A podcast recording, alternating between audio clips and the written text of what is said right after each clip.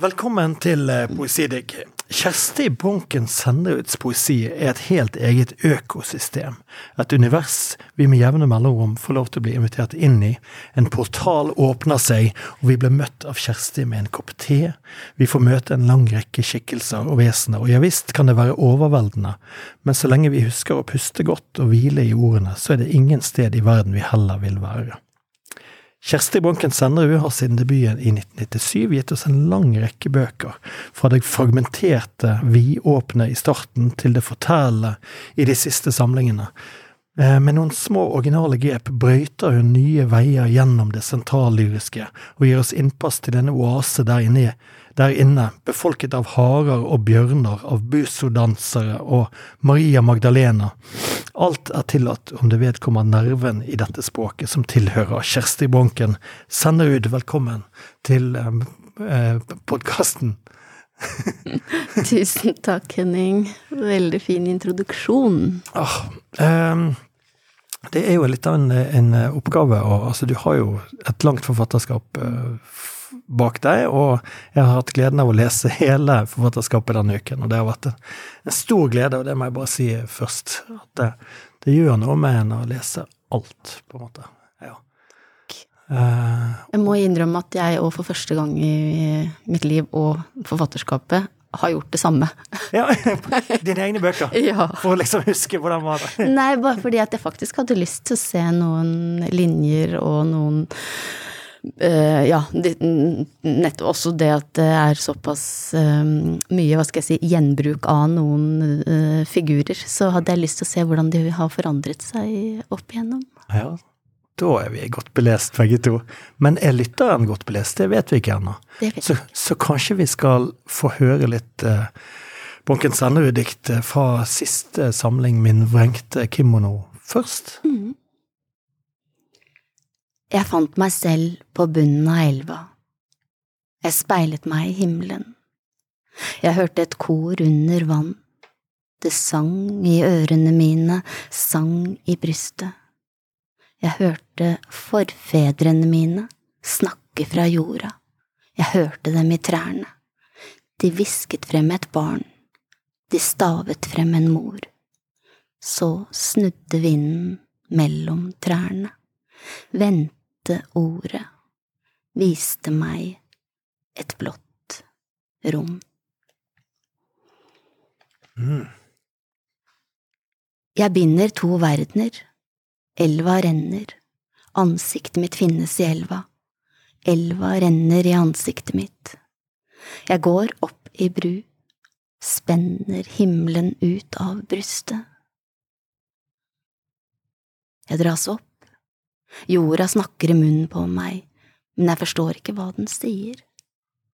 Forfedrene mine kjente jorda, de var jordas barn, de var gode mot jorda, de sådde og høstet, de tjente jorda på en god måte. Jeg hadde ikke samme evnen, jeg ble tatt av vind og luft, jeg ble båret langt over fjellet. Himmelen trakk i meg, Ingen visste hvordan de skulle hale dette barnet ned til jorda. De sa himmelen har røvet henne, de sa elva har tatt henne. Slik ble jeg et himmelskip, slik trodde jeg at jeg var en fugl, at luften i skjelettet mitt var et stoff vevet av døde. Mm.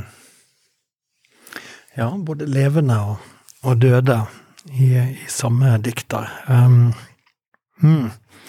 Jeg snakket innledningsvis om at de er befolket, altså du befolker diktene dine med ulike skikkelser, både levende og døde, og historiske skikkelser og, og sånne.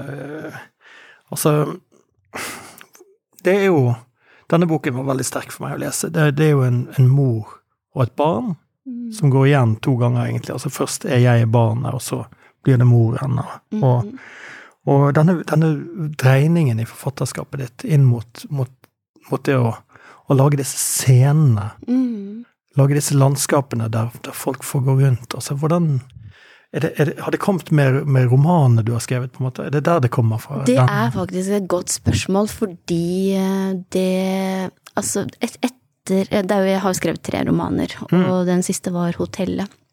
Og etter det så ble jeg egentlig veldig redd for om jeg kunne skrive dikt igjen. Det var liksom min aller største frykt, da. Uh, om jeg uh, kunne liksom som, som en form for narkomani, eller som, Ja, eller, ja, eller en sånn mm, engstelse for å ikke få tilgang på det språket, da, eller det uh, Hva skal jeg si Den orienteringen i språket. Men så uh, var det vel Jeg tror jeg bare holdt på jeg bor på to steder. da, Jeg bor liksom her i gamlebyen i Oslo, og så på et småbruk på, på Løten. Og det er jo liksom de, Begge de stedene feller seg jo ned i diktene mine òg. Ja, det skal vi snakke om. Ja. Men jeg tror jeg bare holdt på med noe ute, og, og så var det liksom bare som det var noe som manifesterte seg, og da var det rett og slett Da følte jeg at basho liksom bare Ja. kom. Den gamle japanske dikteren. Ja, gamle Ja. japanske, blant annet haiku-dikteren, da, og eh, reise... eh, livs... Hva, sier, hva kaller man det? Disse her reiseberetningene, som Ja, han er veldig ja. kjent for, da. Mm. Mm. Um, og da gikk jeg gikk jeg bare sporenstreks inn og satte meg og skrev, og, og sånn kom han på en måte til det universet. Eh, og da var det på en måte et anslag som åpnet for noe av det andre som kunne skje, og hvordan Fordi det, det er eh, både Søsterkranser og min vrengte kimono eh, har en annen arbeidsmetode enn det jeg har hatt med de ja. tidligere diktsamlingene. For de blir på en måte nærmest skrevet i løp. Uh, og jeg For eksempel så har jeg ikke I løp som altså, altså Ja. hva, hva betyr det? Eh, altså i sekvenser, da. Ja, ja. Eh, I løp. Altså ikke sånn at jeg skriver ja, Søsterkranser var kanskje litt mer sånn at jeg kunne skrive ett dikt, men min vrengte kimono hadde et enormt tempo i seg, altså. Ja. Eh, så jeg tror ikke jeg skrev Altså, det var gjerne sånn at jeg skrev tre dikt eller mer, Mm, mm. Um, For stedet var der, så det var liksom å sette i gang figurene. ja, Eller la de ja utspille seg. Uh, utspille seg, agere sammen, eh, virke eh, Ta plass, på en måte. Eh, og, og, og det er jo heller ikke noen eh, Ingen som jeg på en måte liksom har tenkt meg til eller planlagt at passer inn liksom i dette prosjektet.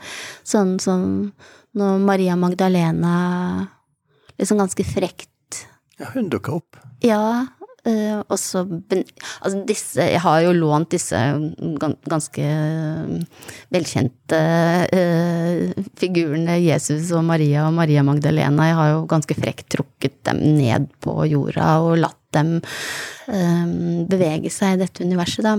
Mm. Men Og så er det kanskje litt freidig å liksom kryssklippe både Maria og Maria Magdalena på den måten som jeg gjør, og Men det er Mm. litt sånn Men det er gjort med kjærlighet, da. Ja, ja.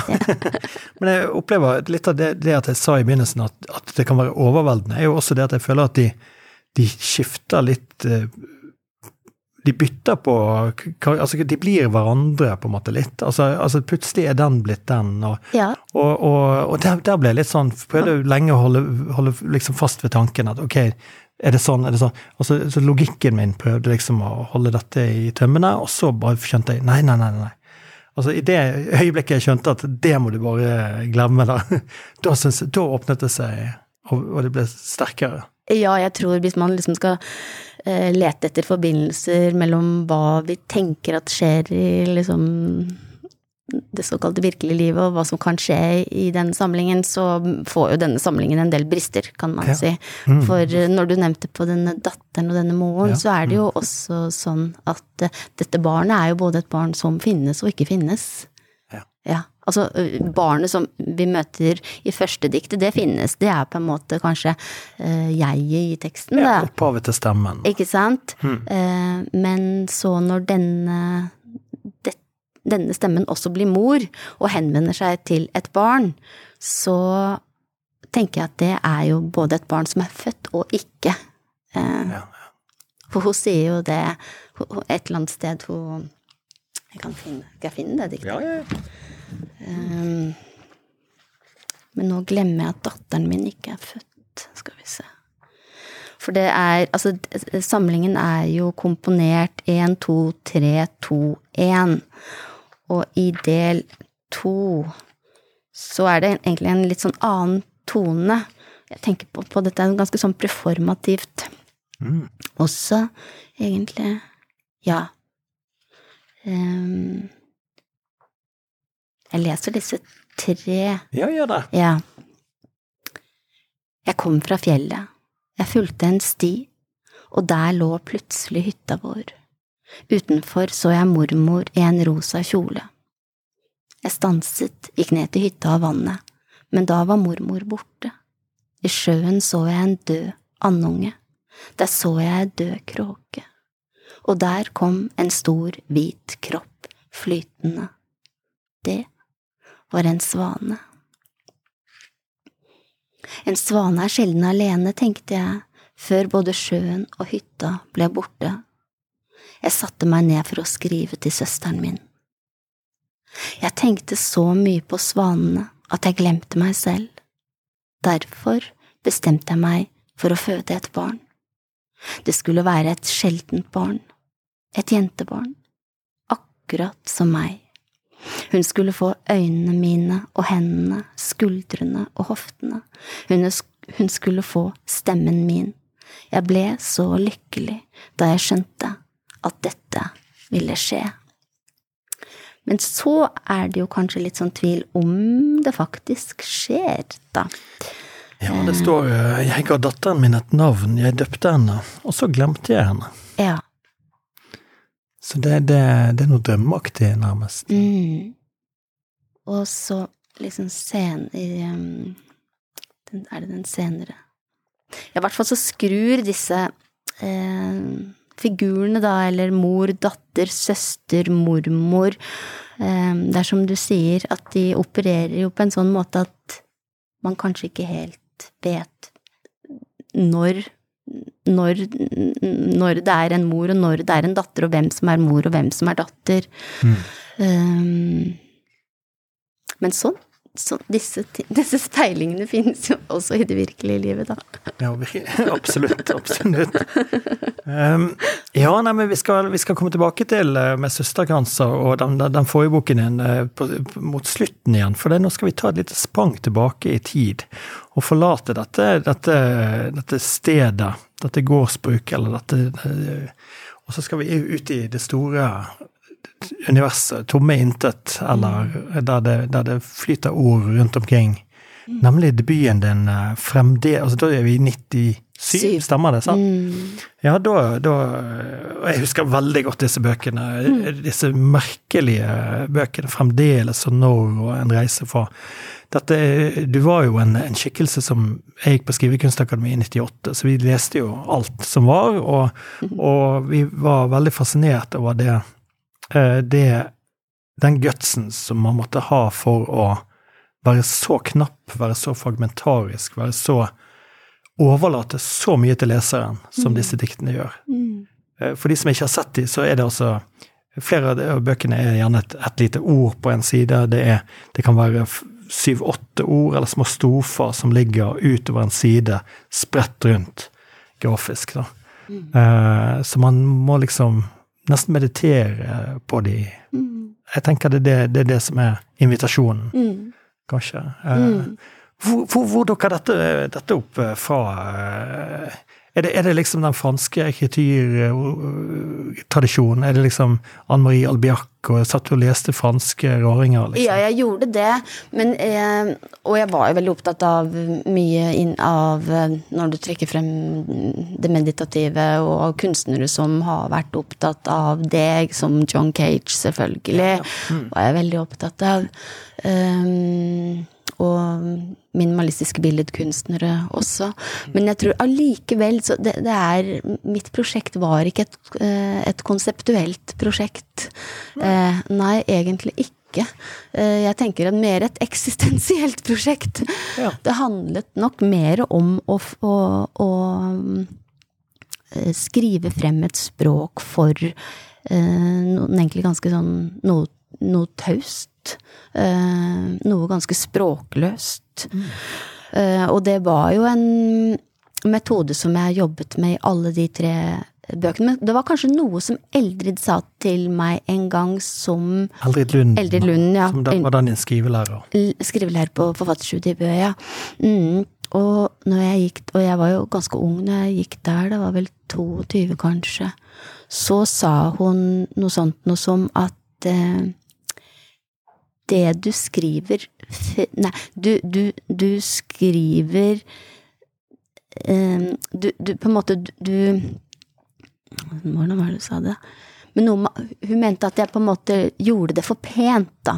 Eh, at, at diktene fikk en altfor på en måte lyrisk eh, klang i forhold til der det egentlig kom fra. Så det tok jeg jo veldig Jeg har gjort en enorm forberedelse, så jeg vet nøyaktig hva hun sa. Hun sa, hun sa at det var et misforhold mellom tematikken og det melodiøse språket, og at dette gjorde at det var noe tilslørende vakkert ved det jeg skrev. Ja, det var det. Du, du altså!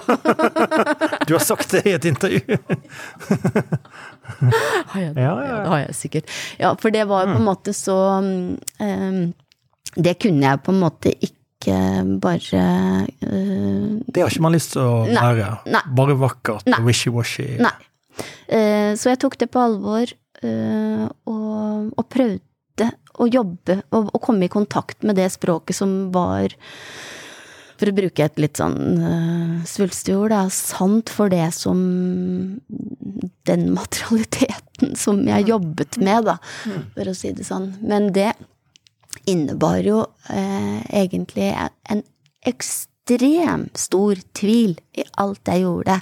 Eh, og det førte Det var jo et sånt lytteprosjekt, og jeg skrev og skrapte ned og skrev og skrapte ned.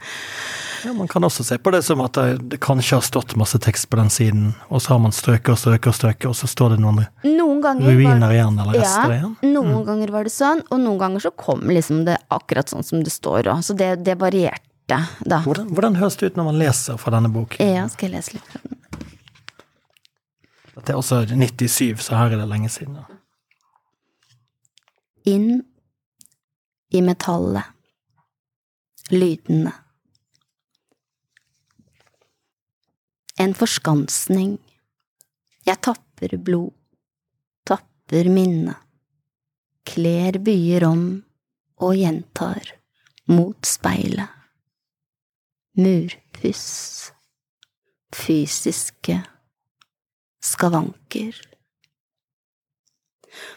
og rundt meg, på alle kanter, skyggen du minner om farger i grå, vegger vi fant langs motorveien, på grensen til et barns innerste blikk.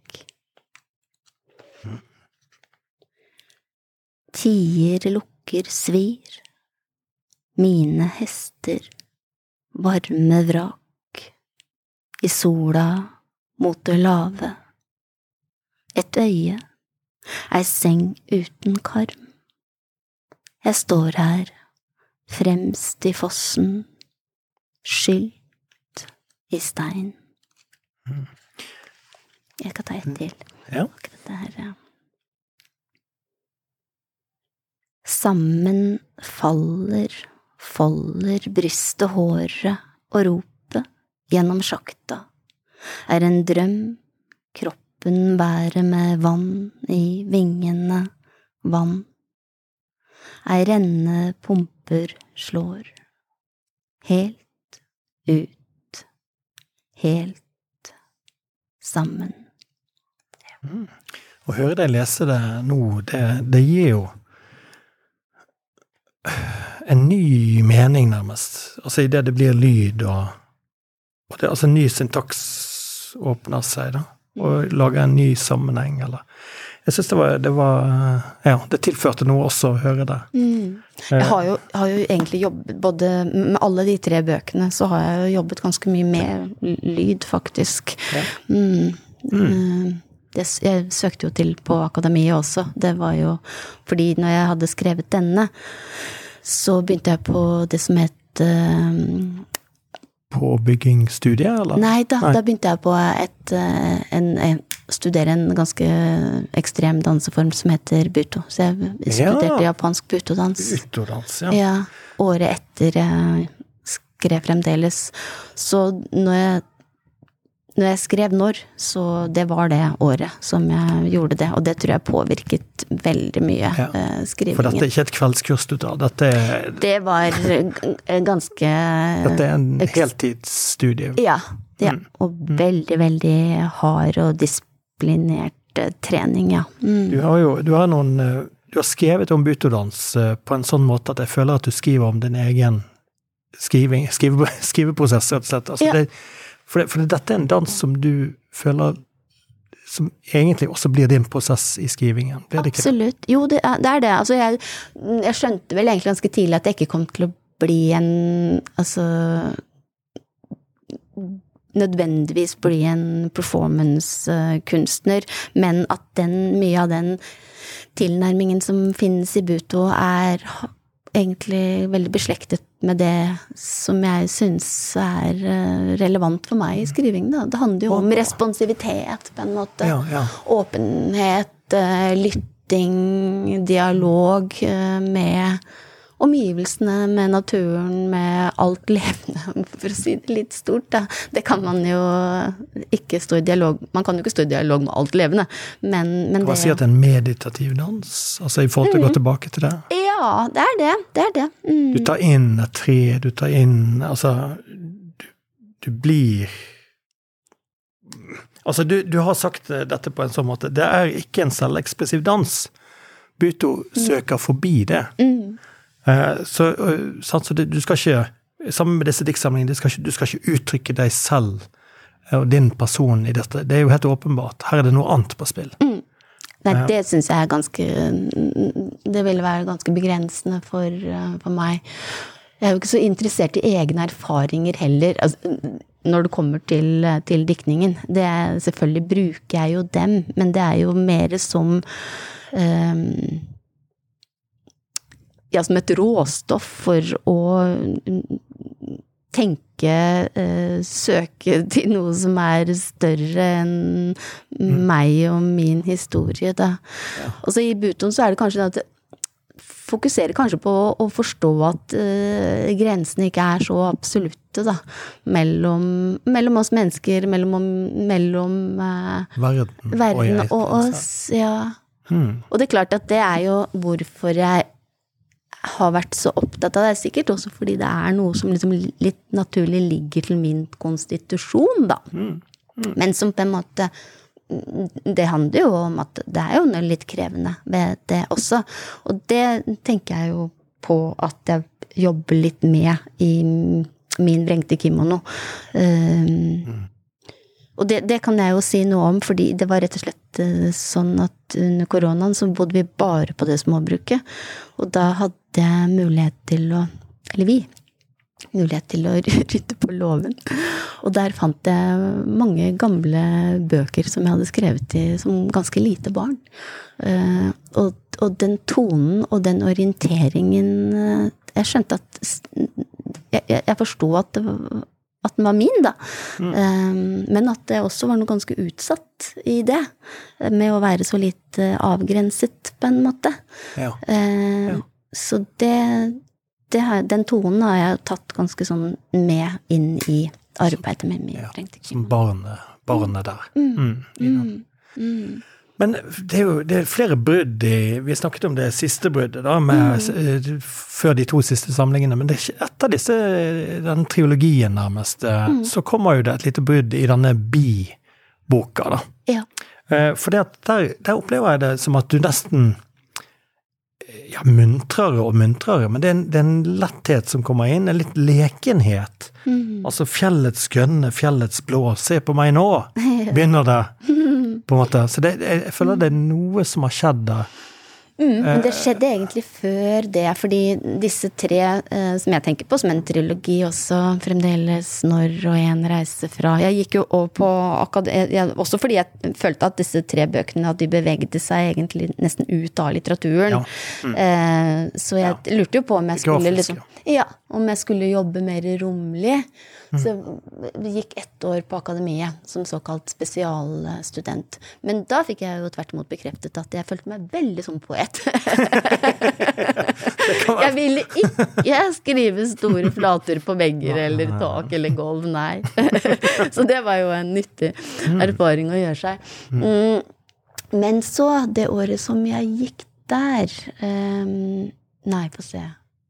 Året Nå er du Året etter, ja, nå er jeg på to, I 99 Ja. er jeg. Og på 2099, ja. Så, Du vet så- at sånn, sånn kommer hele, hele våre, våre eldre dager til å bli. Du Ja. kommer til å sitte sånn Var det i 99, eller var det 98? Men det er faktisk Det er liksom bare bøkene mine som sier noe om hvilke grenser som finnes i livet mitt, føler jeg. Så jeg, jeg tjener mot dem. Nei, men ok, så, Ja. Nei, men det eh, Faren min døde når jeg var 28. Ja. Og det, det var nok òg en erfaring som gjorde at jeg men det, det er klart det hadde med at jeg hadde, skrevet meg, hadde skrapt meg så langt inn også i språket med den siste, da. En reise fra, som kom i 2000. At det var, hvis jeg helt tatt skulle fortsette å skrive, så måtte jeg gå et annet sted. Eller så hadde jeg forstummet. Eh, men så, når, når denne erfaringen med hans eh, bortgang liksom kom inn i livet mitt, så måtte jeg også finne et annet språk for å jobbe med det. Så det er jo en, mer en type fortelling som jeg har skrevet, som heter Smeltevannet. ja, ja. Eh, som jobber liksom to sånne tidsplan. Det er også barna og en skrivende. Ja, nå hoppet jeg over smeltevannet. Eh, Og det var, det var også fordi at den, av en eller annen merkelig grunn så står den på en slags posahylle Ja. noen steder. Ja, den er jo litt sånn hybrid, den da. Fordi den har en slags Ja, har jo en sånn narrativitet. Men det er jo Det er jo poesi. Det er jo poesi. Ja. Men det skapte nok et, eh, et skifte i, i språket, og det var nok også noe For de er jo de er litt harde Det har jeg tenkt på når jeg leser det nå, da, at de er jo jammen meg ganske sånn skarpe og harde i kanten i sin kanskje også utsatthet, disse tre første. Ja, ja. Mm. Ja, ja. Så nei, men det skjedde noe med Er litt sånn og bil. liv, litt livsbea... Altså det er en blanding av livsbejaelse og dødsdrift, føler jeg. Litt Ja sånn da. At du trer på en måte inn i livet. Mm, Altså fra språket, eller mm, til, til at livet kommer inn. ja. Så det Som et dødsfall kan gjøre. Ja, Altså virkelig. Og andre liksom påvirkninger i livet, det, Mm. Det, det er jo så konkret. Så henger det jo sammen med at jeg møtte kjæresten min, mannen min, liksom. Ja, der har du det. Ja, ja. Ok, liv og døden. Ja. ja. liv og døden. Mm.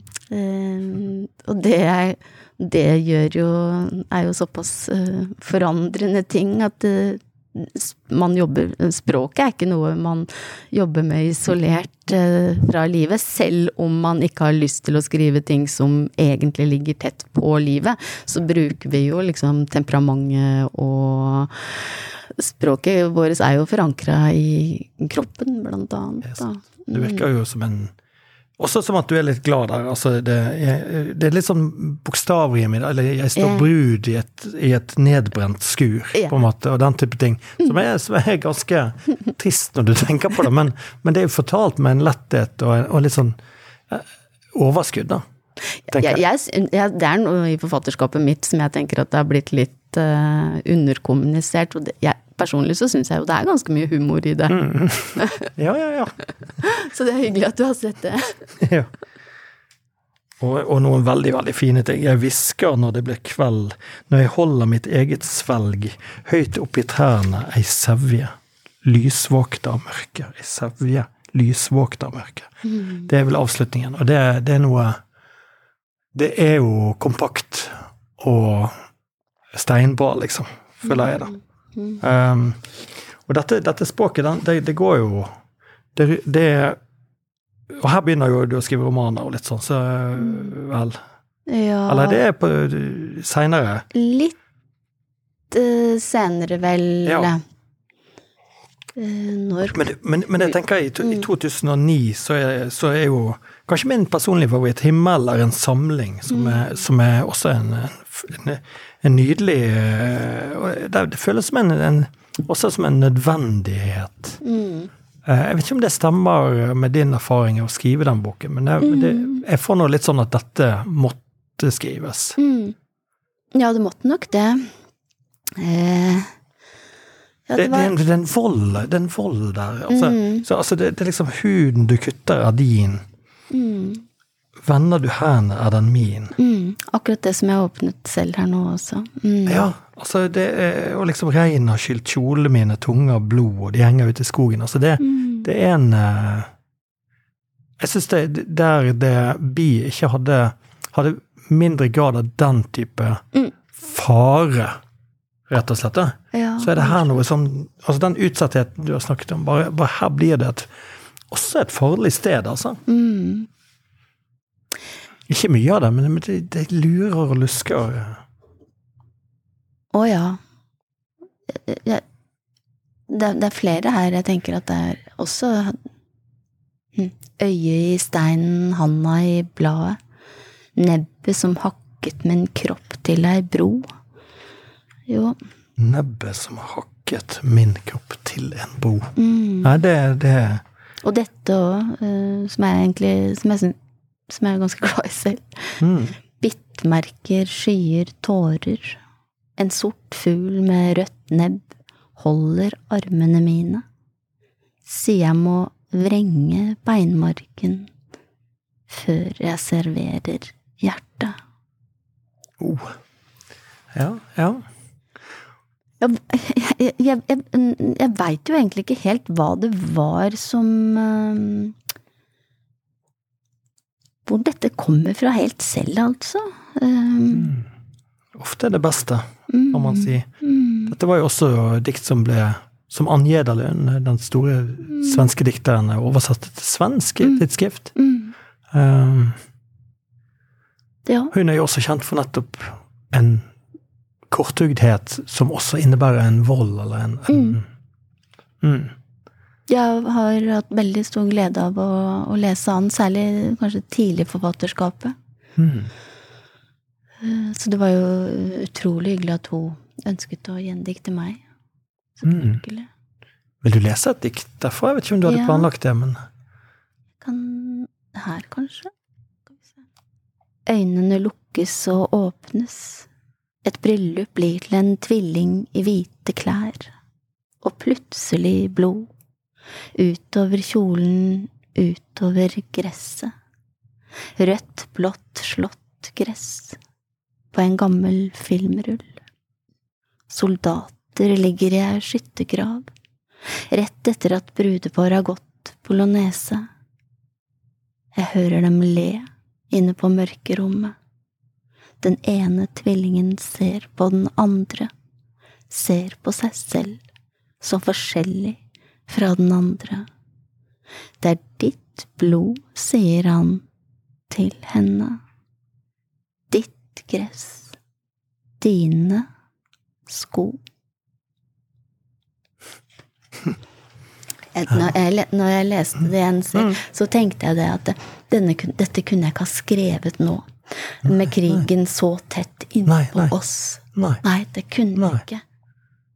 Det er en interessant tanke. Altså rett og slett fordi at det, det å, å, å stjele noen andres Erfaringer, på en måte, eller noe det, det, det, lød på en måte litt, ja, litt grelt, da, hvis det hadde Nei, det hadde jeg bare ikke kunnet gjort.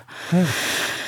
Men så kan man jo si med krigerfinn har du jo fant, Det fantes jo kriger da òg, selvfølgelig. Det var- Det var, masse skyttergraver da òg når jeg skrev den, men det er kanskje noe med hvor nært Ja. det er innpå en, da. Mm, mm, Mm. ja. Ja, vi har valgt å la denne krigen være en del av hverdagen vår. Mm. Akkurat denne. Mm. Ja. Eh, og det, det var Ja, det kan du si. Eh, det er jo noe litt skremmende med, med det å ta det inn over seg, hvordan vi kan holde ting på avstand når det, det bare er langt borte nok. Ja, det, det er sant. Eh, Men dette Jeg hører jo når du leser, altså du leser jo virkelig, virkelig godt. eh, Det må jeg si. Og, og det får jo du også nesten en konsekvens Det får en konsekvens, altså din vakre stemme, i den neste boken som kommer, nemlig 'Forgjengeligheten'. For der, der eh, for de som husker CD-er, så, så var jo det Så var det noe som av og til ble lagt ved diktsamlinger en liten periode. Mm. i denne der. Og det var nettopp det at man fant ut at jo da, her har man et relativt billig å produsere medium som kan som kan legge ved som, en, som et tillegg, altså stemmen til Nå er det helt vanlig, nå er det lydbøker til alt, Ja, ja, ja. Og, og du bare går inn på Spotify. Bare egentlig ikke så mye med poesi, vet du. Er det ikke Det er rart. Det er rart. Det er faktisk rart. Det er fordi det um, Ja, det er på det ja, kapitalismen og så er videre. dessverre. Mm. Men, eh, men, eh, men eh, her, her Denne har jo også en skapelseshistorie, denne boken, som er, som er helt, helt spesiell. Ja. Altså, det er jo en reiseberetning fra hellige Rom, ja. plasser. Mm. Altså, Fra Altså, den eh, Jeg har brukt mye av Hva skal jeg si eh, Mye av materialet som både er skrevet og det som ble det lydarbeidet, er gjort på det man kan kalle en pilegrimsreise. mm. Til India, Sikkim og Bhutan.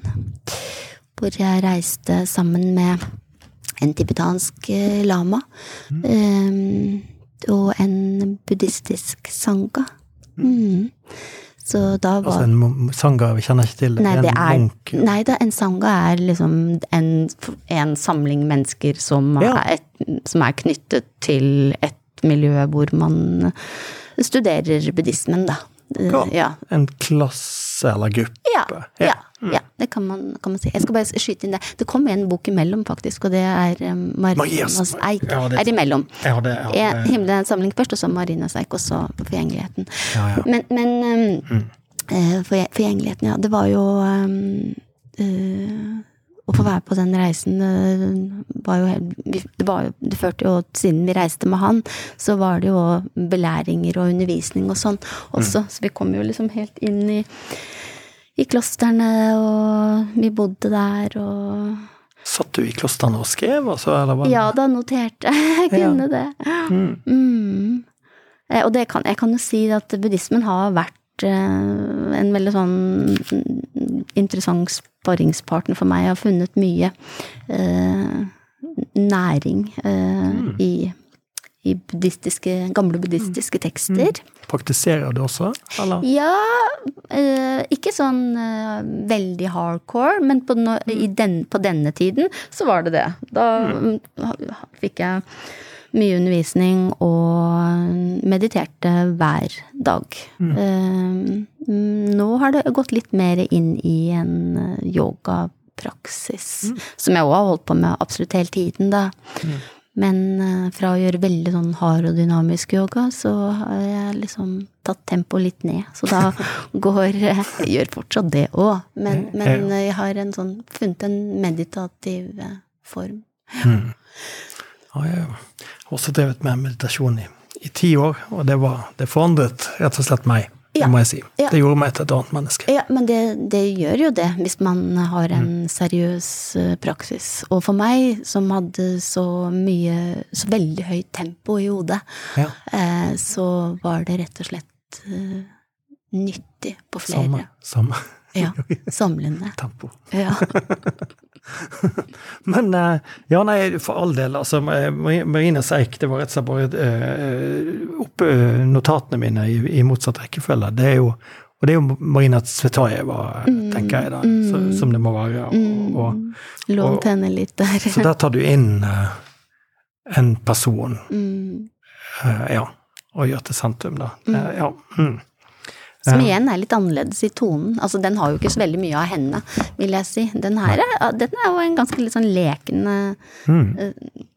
Altså, den, den er litt sånn egen i forfatterskapet sitt, eh, når jeg leser sånn rytmisk og, og tonen i den. den. Det vet jeg heller ikke helt selv hvor det kommer fra.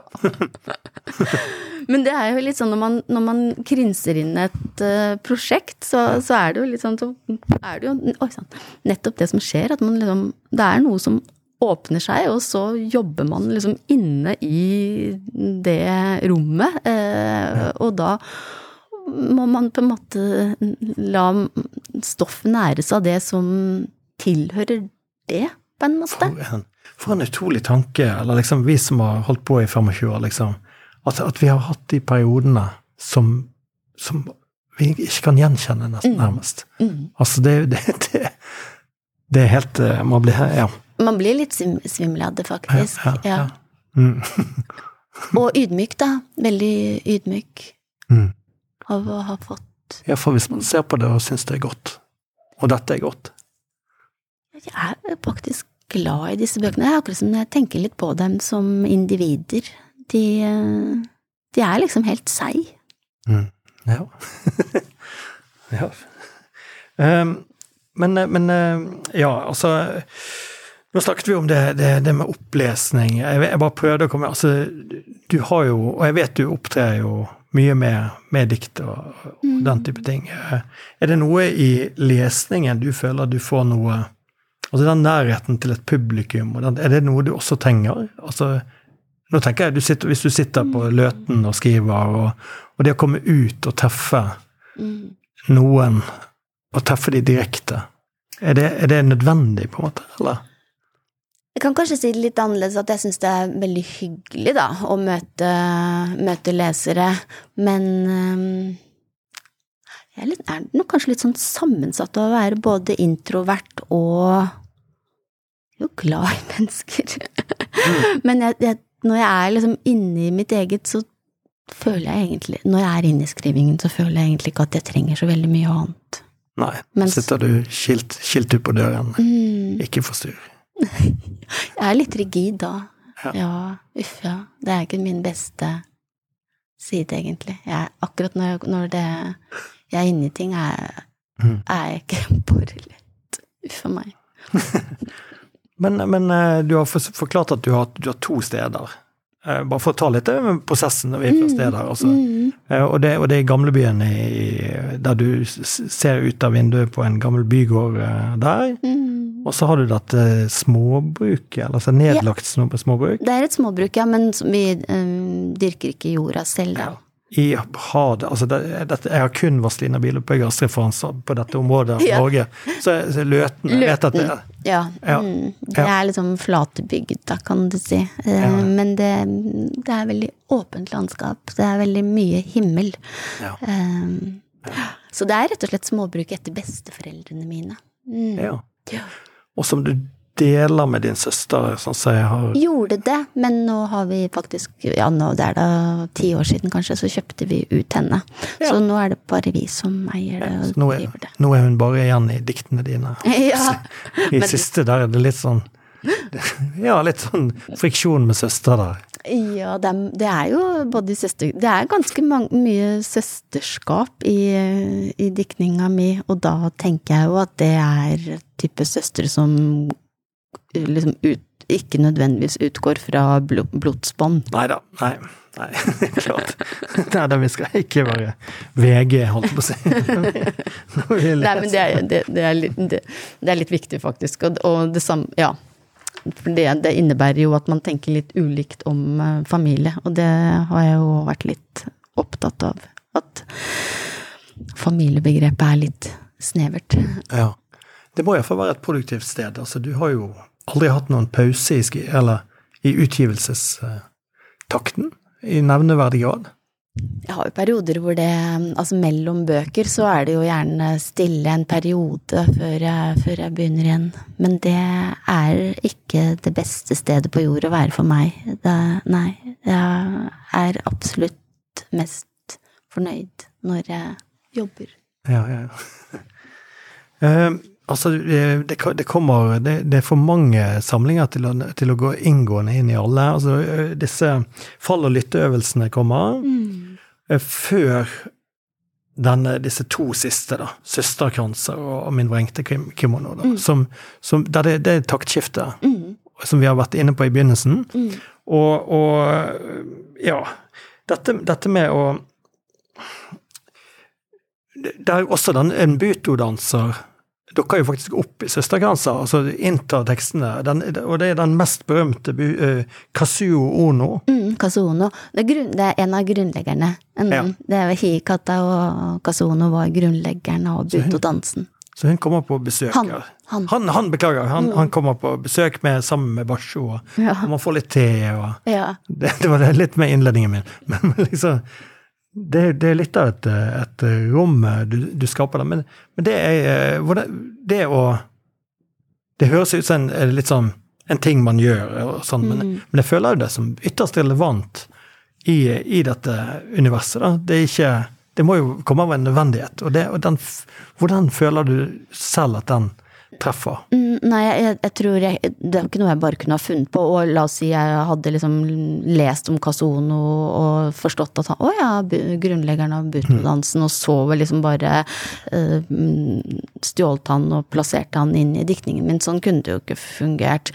Det er jo fordi at han har jo følt meg Jeg har jo ikke, mm, har jo ikke studert under han selv, men han har jo liksom vært en skikkelse siden Ja, siden 1997, da når jeg selv begynte med, med Butto. Da levde han jo fortsatt. Og et kompani som jeg har uh, fulgt flere litt lengre workshop med, de har begge studert eh, under han da han ble jo 102 år. Han død, dansa jo til han døde. Det var en veldig, veldig, veldig spesiell uh, personlighet. eh. så det, det er nok Jeg føler jo at han på en måte har jeg har tatt litt bolig, da, i meg, på en eller annen måte, som gjorde at han kunne liksom komme og ta plass i dette universet på den måten som han gjør. Mm. Mm, På Løten. ja. Samtalen med Basho. Det er, det er veldig fint, da. Um, men det høres ut som du har funnet et landskap og, som du reflekterer godt i, eller at du har laget et rom rundt. Mm. At, at det nesten har blitt skrivestedet ditt, har blitt også ditt skriveunivers, da. Ja, altså det, det er nok en, mm, en sånn Det tror jeg òg har noe med min, eh, hva skal jeg si, sånn konstitusjon At det, det, skrivingen er ganske en sånn aktiv samtale med landskapet omkring meg. At det, det er liksom Jeg tenker at det er en dialog som jeg holder, da. Um, og så, så det er jo egentlig litt merkelig for meg selv, for på den ene siden så er det jo høyst konkret, og samtidig så har du jo noe både mytisk og um, ja, overjordisk ved seg, ikke sant? Jeg tror jo ikke på engler, mener jeg, men de kommer jo til dette universet. Mm. Ja, for det har jo virkelig De siste samlingene har jo de, også de kristne Ja. skikkelsene virkelig. Engler og Ma- Maria og Jesus og Det er nesten litt rart for meg selv, siden jeg egentlig aldri har uh, Jeg har ikke et veldig nært forhold til protestantismen eller katolisismen, da, men jeg tenker det er noe med at de, de er en så stor del av den kollektive historien vår. Eh, og, og de er Jeg tenker på dem som mennesker som har levd, altså historiske personligheter. Og, og ikke minst så har jo liksom særlig Maria Magdalena, tenker jeg at liksom på et eller annet hva skal jeg liksom si, sånn nivå, så, så representerer hun en veldig sånn feminin kraft og energi, da. ja, Mm. ytterst spennende skikkelse. Veldig. historisk. Ja. Og så har det kanskje òg vært litt det at hun liksom ble øh, har særlig billedkunsten, da, altså at har liksom Har man liksom spent opp dette her hore, hore Madonna-spennet, liksom. Men, men jeg tenker jo på at hun var en en, en vis eh, kvinne med stor autoritet, eh, som kanskje til og med også var en av Jesus sine elever. Og det er jo litt kanskje omvendt. Altså kanskje Absolutt. altså noe av dette stoffet som handler om fat, fattig og rik. Ja. Altså det, jeg tenker det. Ja. Mm. Og der kom jo det der ene, et av de diktene hvor det Skal jeg lese akkurat det, kanskje? Nei, det var jo feil. Det er, her. det er min ringte Kim om noe, det der. Mm, jeg bare tenkte på mm, mm, mm. Jeg stiler et brev til Maria Magdalena. Hva gjorde du med Jesu føtter, Maria? Var det lengselen din som bandt ham til deg? Hva fikk varmen i øynene dine til å skinne, slik at hele kroppen løste seg fra jorda. Hva var det du sa mens du vasket føttene til Jesus, Maria? For var ikke ordet like gjerne ditt, Magdalena? Ja. Mm. Les gjerne litt til. da. er noe, det er også godt å høre på jeg leser. Og gjerne noe fra Søsterkransa òg, ja. siden vi Vi er, har berørt den. Ja, gjerne. Mm. Skal vi se Den her. Ja, jeg begynner, mm. begynner med det Basho-diktet, som jeg tror kanskje var det som skipa hele samlingen. Det aller første året plommetreet blomstrer, kommer Basho på besøk til bruket. Treet er ennå ikke stort nok til at vi kan sette oss under det og føre en samtale. Stammen er heller spinkel, men greinene begynner å bli mange. Basho sier han egentlig ikke kan så mye om plommetrær, men at her akkurat her, til tross for at bakken er bratt og jorda ganske skrinn, virker det rett å ha plantet et plommetre. Og idet jeg skjenker han te, ser jeg en blomst rive seg løs fra ei grein og legge seg over Bashos jakkekrage. Basho har fått selskap av Kazuono. De sitter ved siden av hverandre under epletreet. Det ser ut som de har kjent hverandre lenge. Basho leser flyktningens syv sanger for Casono. Selv da regnet kommer, leser Basho ufortrødent videre. Regnet drypper fra greinene, renner ned langs jakkeslagene. Hoppe litt. Det finnes en sol bak øynene det finnes en måne i hjertet. Det finnes 21 traner, født av ei opplyst kråke. Det finnes et tre med plass til alle verdens fugler. Det finnes en krans av søstre. Så kom englene. Var det med det hvite lyset eller var det bjørnen som åpnet grinda til hagen denne morgenen med disen mellom epletrærne og de visne solsikkene, vendt mot duggen der i gresset, som et vitne til det hele? Ja, så var de her, englene. Eller hadde de vært her hele tiden, med de forsiktige strykene over hodet og brystet slik jeg har kjent det så lenge jeg kan huske. Ute i kjøkkenhagen er det spor i jorda, små, tette avtrykk som hunden snuser på, og vil følge videre inn mot skogen. Men englene setter ikke spor, det er det rådyrene som gjør. Rådyrbukken jeg støter på ute i tunet, en høylys dag i juli. Blikket den møtte meg med, hvordan den bare holdt det, fortalte meg har vært her like lenge som rådyrene. Det finnes en krans av søstre. Det finnes en dag tranene er flere enn jeg kan telle, og lyset fra bladene fremkaller faren min ute på jordet. Jeg ser håret hans i vinden, den blå jakken, jeg kjenner den kar karistiske gangen.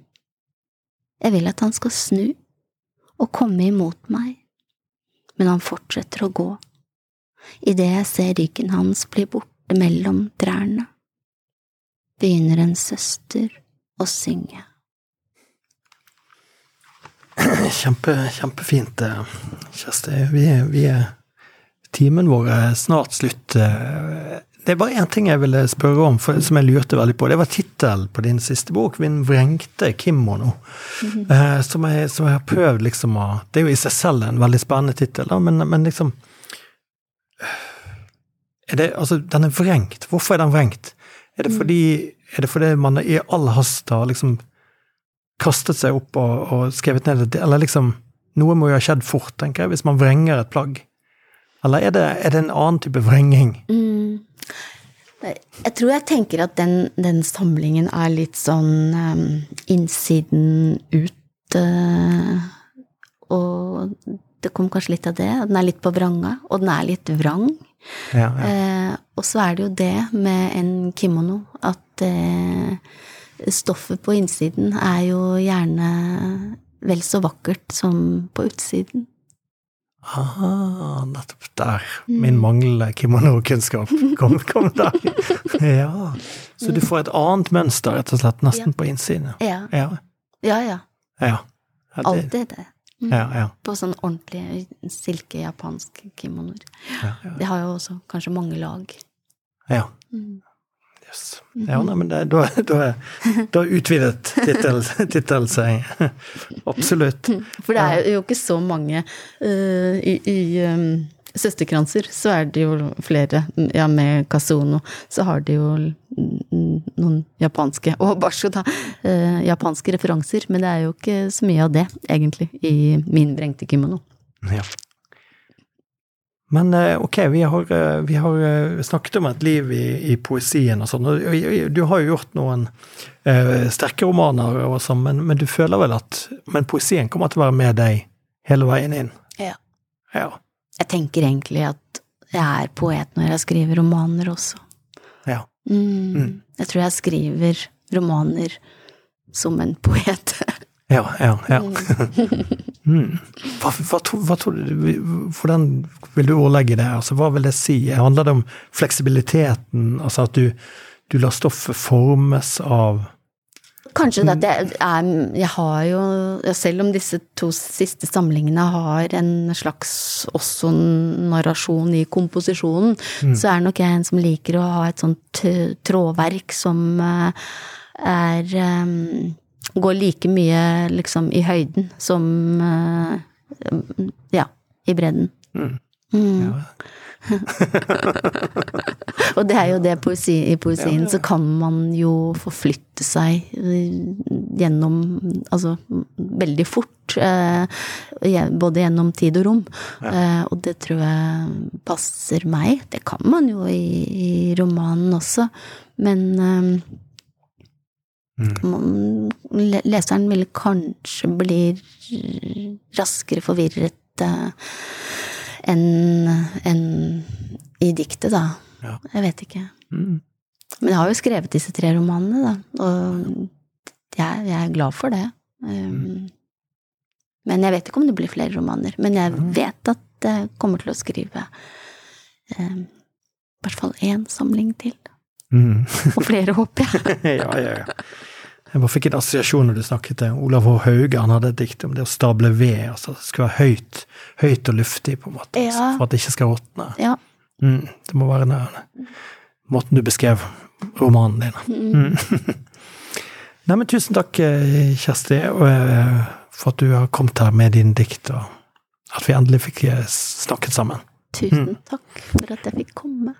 Og så takker vi eh, Deichmansk på Bjørvika. Vi sitter i et, et studio. eh, Og så Bergen, eh, Bergen kommune og Norsk kulturråd og alt sånt. Så det er bare å gå inn og høre på de andre programmene. Det ligger en, en masse eh, programmer der. Og, og jeg tenker noen, noen programmer altså Øyvind Berg snakker om Basho. Monica Aasbong har veldig mange paralleller til det du forteller om fra møtet med Biv fra kunstverdenen. Mm.